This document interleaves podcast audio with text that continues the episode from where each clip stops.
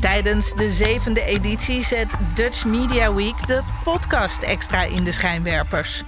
Samen met bekende en onbekende podcastmakers probeert het Mediafestival van Nederland om het wereldrecord podcast maken te vestigen. Als onderdeel daarvan stelt Dutch Media Week 2022 met grote trots aan u voor.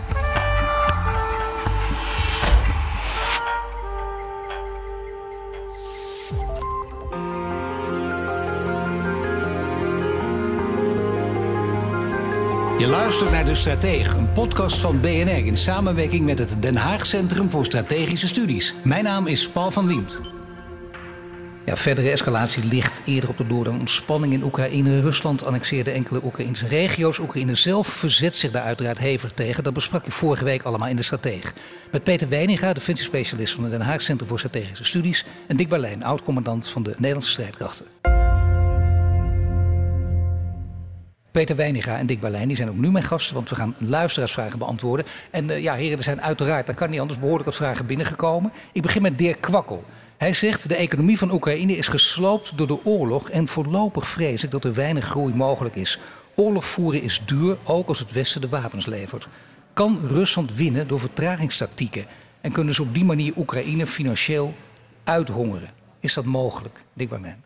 Oorlog is niet alleen uh, duur, het is verschrikkelijk, het is vreselijk en we moeten dat ten koste van alles uh, vermijden. Maar ja, inderdaad, uh, Rusland zou kunnen proberen, of, of misschien doen ze dat straks al, om die oorlog langer te laten voortslepen. En dan zal met name ook wederom die belangrijke eensgezindheid in het Westen getest worden. Blijven we dan wel inderdaad schouder aan schouder slaan, staan? Dus ik zie dat inderdaad als een, in ieder geval iets waar, waar uh, Oekraïne zeer zeker uh, naar zal blijven kijken. Ja, en dat zal gewoon gaan werken natuurlijk in heel Europa ook. Als je er allemaal achter wil gaan staan, dan krijg je daarna inflatie. Hoe lang blijft dat duren? Hoe lang blijven prijzen van alle andere dingen duurder? En dan gaan mensen toch denken, dit is nog steeds ver weg. Als we niet aan de hand genomen worden door politici die iets anders beweren. Ik kan het daar maar alleen maar mee eens zijn, Paul. Peter Weiniger.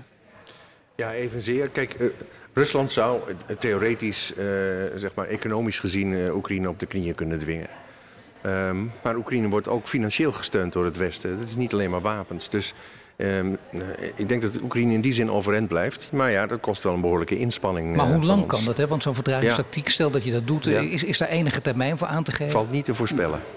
Ik heb in het begin al gezegd, kijk, het enige wat Oekraïne moet doen, en dat geldt eigenlijk ook voor ons, is volhouden. Um, Rusland kan zich niet veroorloven, of in ieder geval Poetin kan zich niet veroorloven zonder winst naar huis terug te keren. Oekraïne en Europa moeten dit volhouden. En als we dat volhouden, dan kan het zijn dat we Rusland juist op de knieën dwingen. Omdat het het meest extreme gezichtsverlies is dat Poetin kan leiden. En dat gaat hem dus binnenlands dwars zitten. Dat is feite de redenering, dan kun je het winnen. Maar dit kan dus ook, en ik bedoel, dit, dit speculeren, dat weet ik. Maar het gaat me toch even om het idee. Uh, dit is geen kwestie van één of twee jaar nog. Dit kan ook vijf jaar duren. Ja, niemand kan daar een termijn aan hangen. Het, uh, wat dat betreft zijn de ontwikkelingen bepalend. Uh, het kan uh, bij wijze van spreken een maand duren, kan een half jaar duren, kan misschien wel vijf jaar duren. Dat weten we niet.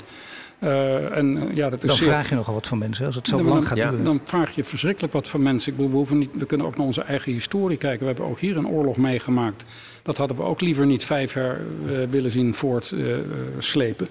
Uh, maar dat kan helaas wel eens een keer het geval zijn. We hebben daar niet zelf alleen maar uh, het, het, eindoordeel over of dat langer of korter gaat duren. We kunnen het wel beïnvloeden door de juiste dingen op tijd te doen. Maar en de juiste dingen op tijd te doen, ook in dit geval, als het, gaat, als het dus puur gaat om die vertragingstechniek? Ja, dat vind ik. Door inderdaad te realiseren dat we deze oorlog uh, alleen maar zullen kunnen bekorten als we standvastig zijn. En niet dat we nu gaan, gaan uh, twijfelen of we op het juiste trek zitten of dat we onderling het oneens gaan worden. Dat is allemaal in het voordeel van Poetin. Dat is allemaal een reden waarom hij het nog veel langer zal willen volhouden met alle nadelige gevolgen. Ik kom bij, bij de volgende luisteraarsvraag. Die is van uh, Goots. En dat moet ik even goed zeggen, want die, die, dat eindigt met THZZ. Dus ik moet die heel vaak vragen stellen. Wie weet wie daar achter schuil gaat. Het zijn goede vragen. Hij zegt, Rusland heeft nu drie keer de Kinzhal Hypersonic Missile gebruikt. Even uitleggen wat dat is. Hè? Die, die, wat is dat precies, Dick uh, Normaal een raket die zou zo, laten we zeggen, mag 2 kunnen halen. 2000 km per uur, even voor het gemak. Dat is de eigen raketmotor die stuurt die raket voort. In het geval van een hypersonic raket zit er nog een extra motor bij. Dat noemen ze een ramjet. En die ramjet die kan uh, het, uh, het, het, de, raket tot uh, vijf keer, zes keer de snelheid van het geluid brengen. Dus die gaat nog veel sneller. En de, dat betekent dat het onderscheppen van zo'n raket door bijvoorbeeld Patriot-achtige systemen, Peter weet daar veel meer van dan ik, dat het alleen nog maar moeilijker wordt, lastiger wordt. Ja, Peter is de Patriot-kenner natuurlijk ook, hè? onder andere. Nee, maar serieus, ik bedoel, dit zijn hele gevaarlijke wapens dus. Het zijn gevaarlijke wapens. Die je graag vaak wil inzetten. Ja, vanwege de hoge snelheid. Um, Rusland heeft er een aantal inderdaad. Het zijn eigenlijk gemodificeerde Iskander-raketten die van de, normaal van de grond worden afgevuurd. Maar dan door een vliegtuig worden afgevuurd wat zelf Mach 3 vliegt. Dus die snelheid tel je er al bij op. En dan kan het zomaar uh, zeg maar uh, Mach 9 zijn. Dus negen keer de snelheid, uh, de geluidssnelheid. Precies, en dan komen we op de vraag, de vraag die, die, die ja. hierbij hoort van, van Morgots. Die zegt, deze kan dus, dit gevaarlijke wapen, kan met en zonder kernkoppen gebruikt worden. Waarom hebben ze er niet meer van, zonder kernkoppen bijvoorbeeld? Waarom hebben ze niet meer van gebruikt in deze oorlog? Hebben ze er niet zoveel van of zijn ze niet betrouwbaar? Ze hebben ze niet zoveel. En um, het is namelijk een vreselijk duur wapen. Uh, ook het vliegtuig wat het lanceert, uh, er zijn twee types die ze gebruiken, zijn vreselijk dure wapens.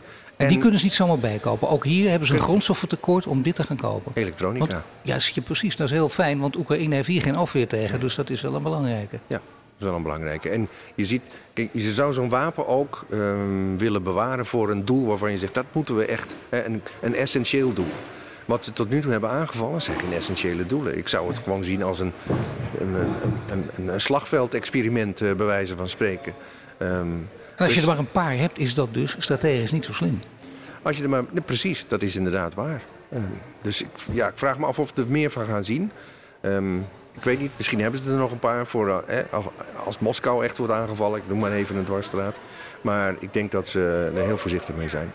Dan komt er een vraag van, van Sjoerd Duiker. Hij zegt, zou Europa ook een strategische voorraad van militair materieel moeten aanleggen... om in een Oekraïne-scenario ook te kunnen inzetten? Zoals bijvoorbeeld het Sierra Army Depot, zoals dus de Amerikanen in dat uh, depot gedaan hebben. Is dat een goed idee? Ik denk dat voorraden belangrijk zijn. Uh, een, enige tijd terug was te lezen in de krant dat voorraden, de munitievoorraden, reservedelenvoorraden in Duitsland zo waren geslonken... dat ze het maar drie dagen van een oorlog voor zouden kunnen houden.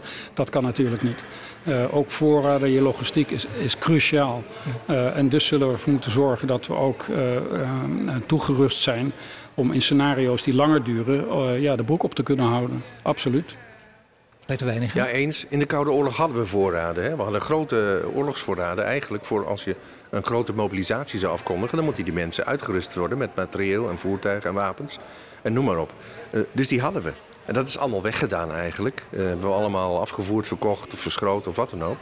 Um, uh, en eigenlijk... die hebben we nooit vernieuwd, ook omdat we ons onkwetsbaar achten en dachten dat het nooit nodig zou zijn. Omdat het leger veel kleiner werd en we ja, dachten tuurlijk. we hoeven nooit meer zo'n mobilisatie te doen. Ja. Dus um, je zou eigenlijk inderdaad uh, tot op zekere hoogte dit soort voorraden weer moeten invoeren. Om dan niet je eigen mobilisatie te ondersteunen, maar die bijvoorbeeld van een land wat wel wordt aangevoerd. En dat kun je dus op relatief uh, afzienbare termijn kun je dat ook doen, zo'n voorraad aanleggen. Nou ja, het kost nou, een even tijd, want er moet wel Nee, maar geef, ik had het net over vijf jaar, maar dat, dat zijn hele andere periodes. Dit kan veel sneller. Nou ja, wapens moet je wel ook bestellen. Je moet, ja. uh, je moet ze kunnen kopen. Vaak, uh, dat zijn niet dingen die je zomaar van de plank koopt. Nee. Dus uh, dat moet je wel in de gaten houden. Maar um, ja, dat, dat is wel te doen.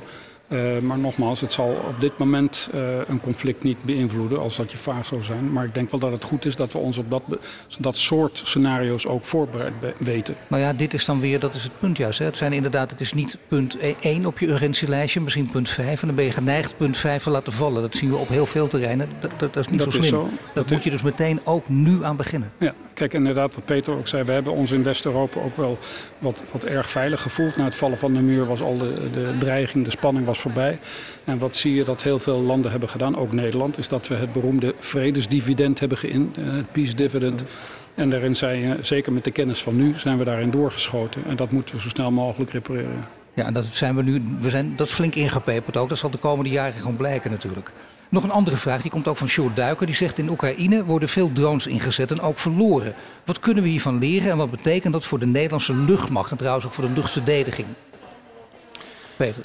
Ja, drones, de essentie van drones is ooit geweest dat je je kunt veroorloven dat het ding verloren gaat. Want er zit niemand aan boord. En dat is eigenlijk, uh, je wilde uh, zeg maar, je, je eigen uh, mensen sparen eigenlijk. Door ze in gevaarlijke situaties in te zetten waarbij de kans groot was dat ze zouden worden onderschept. Dat zie je dus nu eh, letterlijk in Oekraïne gebeuren. Ehm, wat je wel ziet is natuurlijk, naarmate die drones gecompliceerder worden, uh, kostbaarder, uh, dat je toch geneigd bent meer aan de zelfbescherming van die drones te doen en de verdediging ervan. Uh, ja, en dan wordt het uh, wel een dure kwestie als ze dan toch worden neergeschoten. Dus je zit daar een beetje in een omslagpunt. Je hebt verschillende soorten drones. Hele kleine dingetjes die de Oekraïners heel veel gebruiken. Ja. Uh, voor het gooien van granaten of het nemen van foto's, verkenningen, etc. Ze hebben er ook meer dan genoeg van. Ze hebben er e erg veel van. Die, een heleboel worden gewoon commercieel gekocht. maar ze hebben ook grotere drones, zoals bijvoorbeeld die Turkse drone inderdaad. Die ook voor aanvallen kan worden ingezet. Maar die ook kwetsbaar is. Uh, dus ja, weet je, dat is een beetje de prijs uh, die je betaalt voor dit soort uh, elementen. En ja, het is de vraag of je uh, erg veel meer moet doen om, om bijvoorbeeld uh, je hele geavanceerde drones te beschermen. Je moet ze alleen op een goede manier inzetten. Ja, je moet ze op een goede manier inzetten, maar wel logisch dat je deze prijs ook voor betaalt, Dick Berlijn. Nou ja, het, het, is wat, wat Peter zegt. Het laat ook zien dat, dat waar we in het verleden dachten, god, drones, dat is de hele toekomst. We hebben geen bemande vliegtuigen meer nodig. Nou, drones blijken op bepaald, bepaalde delen van het spectrum heel goed en efficiënt. Maar op bepaalde delen zijn ze niet zo goed op dit moment. En dat is inderdaad die zelfbescherming. Ze zijn vrij makkelijk uit de lucht te halen. Um, en dan gaat het erom, waar ga ik mijn geld zetten? Ga ik, me, ga ik drones dan zo specialistisch maken dat ze toch ook in een hoger dreigingsscenario kunnen functioneren? Maar dat kost een hele hoop geld. En ja, ben je dan misschien, misschien ben je dan bijna net zo duur uit als een echt vliegtuig, wat je dan ook voor andere missies in zou kunnen zetten. En die afweging wordt constant gemaakt. Maar drones zijn er, die zullen blijven en we zullen daar nog een verdere ontwikkeling in zien. Tuurlijk, maar we hebben ook geleerd dat inderdaad drones een onderdeel is. Hè? De, de, de, mensen die geroepen hebben, dat was een paar jaar geleden nog maar. Toen waren er heel veel deskundigen, weten jullie ook nog wel. Daar behoorden jullie overigens niet toe, zeg ik voor de duidelijkheid bij. Maar die zeiden ook, het gaat echt alleen maar op deze manier. Houd toch op met die landoorlog. We hebben geleerd dat het op beide vlakken speelt. En drones is hier gewoon een belangrijke rol in spelen. Maar niet meer dan dat. Kijk, een, een, militaire experts, laat ik, laat ik ons dan maar zo even noemen. Ja. Uh, die weten dat uh, je moet nooit op één paard gaan wedden. Nee. Als je zegt, weet je wat, ik ga me super sterk maken op het gebied van cyber. Ik noem maar eens wat. Want dat, wordt, want dat wordt een nieuwe oorlog. Ja, waar gaat je tegenstander je aanpakken? op juist conventionele capaciteiten. En andersom. Dus je moet altijd een goede mix houden in je toolbox, in je gereedschapskist. Heb ik daar alle middelen in voor de meeste scenario's? Of moet ik sommige middelen misschien gaan inruilen, omdat die gebleken zijn dat die uh, nooit meer aan de orde zijn? Maar je moet nooit alles op één, uh, op één paard gaan wedden. En we zitten hier tijdens de Dutch Media Week. Tijdens de podcastrecord zijn we ook nog eventjes aan het verbeteren. 200 uur achter elkaar. Wij zijn een van de podcasts die wordt opgenomen. Hier en daar horen we ook dat het steeds drukker wordt en steeds meer mensen hier binnenkomen. Maar eh, nou ja, goed, het is waanzinnig gewoon. Ook. we komen precies op het goede moment binnen bij het beste programma ook meteen. Ik heb nog één vraag van een luisteraar. Die, die gaat hierover. Dan gaan we door dus naar de, de allerlaatste. De explosies bij de gasleiding van Nord Stream die worden door experts ook al een klassieke Poetin-tactiek genoemd. Escaleren om vervolgens te kunnen de-escaleren. Verwachten jullie daardoor ook snel vredesonderhandelingen als dit inderdaad de klassieke Poetin-tactiek is? Nee. Met nee. Het, wat klassiek eraan is, is dat hij iets uithaalt wat moeilijk uh, bewijsbaar is. Moeilijk te herleiden tot het Kremlin of Poetin of wat dan ook. Dat is, en dat is wel een, een aspect van hybride oorlogvoering. Um, hij, kan, hij, kan zich veroorloven de schuld aan het Westen te geven, aan de VS, uh, aan wie dan ook. Um, want het is uh, volgens hem dan toch niet na te tracen zeg maar, waar het vandaan komt. Ik denk overigens dat men er alles op alles gaat zetten om dat wel zeg maar, uit te zoeken. Uh, maar het is de vraag of het gaat lukken. Dus uh, zolang dat het geval is, blijft hij het ontkennen. En is het iets westers, hebben we het zelf gedaan, of de VS of wie dan ook. Ja, dit is waarschijnlijk de reactie ook, Dick Berlijn, nog niet? Ja, en uh, je, vroeg ook van, moeten we daarom um, toch aan de onderhandelingstafel gaan? Dat zou niet de reactie moeten zijn. want dan wordt hij beloond in zijn, ja, in zijn objecte manier van opereren. Ons antwoord zou moeten zijn proberen boven water te halen en de bewijsstukken te vinden. En vooral standvastig blijven en ons niet la uiteen laten spelen. Want daar is het hem steeds maar om te doen. Of het nou de brexit is, of het is de ondermijning van de verkiezingen... of het is de uh, nou ja, institutionele, hoe zeg je dat, democratische instituties onderuit halen. Daar is het Poetin om te doen. Toch is dat zo verbazingwekkend. Want jij, jij zegt het gelukkig vaak. anderen herhalen dat ook. En dat weten we dus allemaal. Dat weet iedereen in Brussel ook. En toch, als puntje bij paaltje komt, laat je je toch eigenlijk weer vrij gemakkelijk uitspelen. Hoe kan dat dan? Ja, ik heb een keer een heel goed boek gelezen van Catherine Belton, Putin's People. Een, een, een dikke pil, maar een, een boek wat, je, wat, iedereen zou, wat ik iedereen kan aanbevelen. En dat beschrijft eigenlijk hoe Poetin werkt uh, van zijn tijd in Dresden, waar hij was als attaché. Burger, zijn, dat hij Sobchak uh, steunde in Leningrad, zijn reis, zijn, zijn, zijn zijn gang naar het Kremlin, et cetera. Het is een maffia-organisatie geworden. Uh, zwart geld wordt gebruikt om allerlei democratische processen elders in de wereld om die te ondermijnen, want dat speelt hem in de kaart. Uh, ja, wij hebben moeite om dat verhaal te geloven. En we, zeggen, we denken vaak van god, zo erg zal het toch wel niet zijn. We hebben moeite om het echte verhaal echt te begrijpen, te willen begrijpen ook. En wij moeten vooral, moeten, wij zouden in ieder geval snel wat, wat volwassener moeten worden en uh, realistischer naar dit conflict kijken en daar de conclusies uit trekken. Nou, dan misschien nog één keer tot slot ook even de leestip. Uh, nog één keer dat boek. Catherine Belton, dat is de auteur. Ja. Putin's People. Hij ligt, het is ook vertaald in het Nederlands uiteraard. Poetins Mensen. Ik kan het iedereen aanbevelen. Heren, mag ik jullie hartelijk danken voor de inzichten, uh, voor de boektip natuurlijk uh, en, en, voor de antwoorden op alle vragen. Peter Weininga, defensiespecialist van het Den Haag Centrum voor Strategische Studies en Dick Berlijn, oud-commandant van de Nederlandse strijdkrachten. Volgende week dan zijn we er weer met een reguliere aflevering van De Strateeg. Wil je intussen meer afleveringen van De Strateeg terugluisteren? Je vindt hem op Apple Podcasts en Spotify, maar ook in de BNR-app of op bnr.nl. Abonneer je meteen en tot de volgende keer.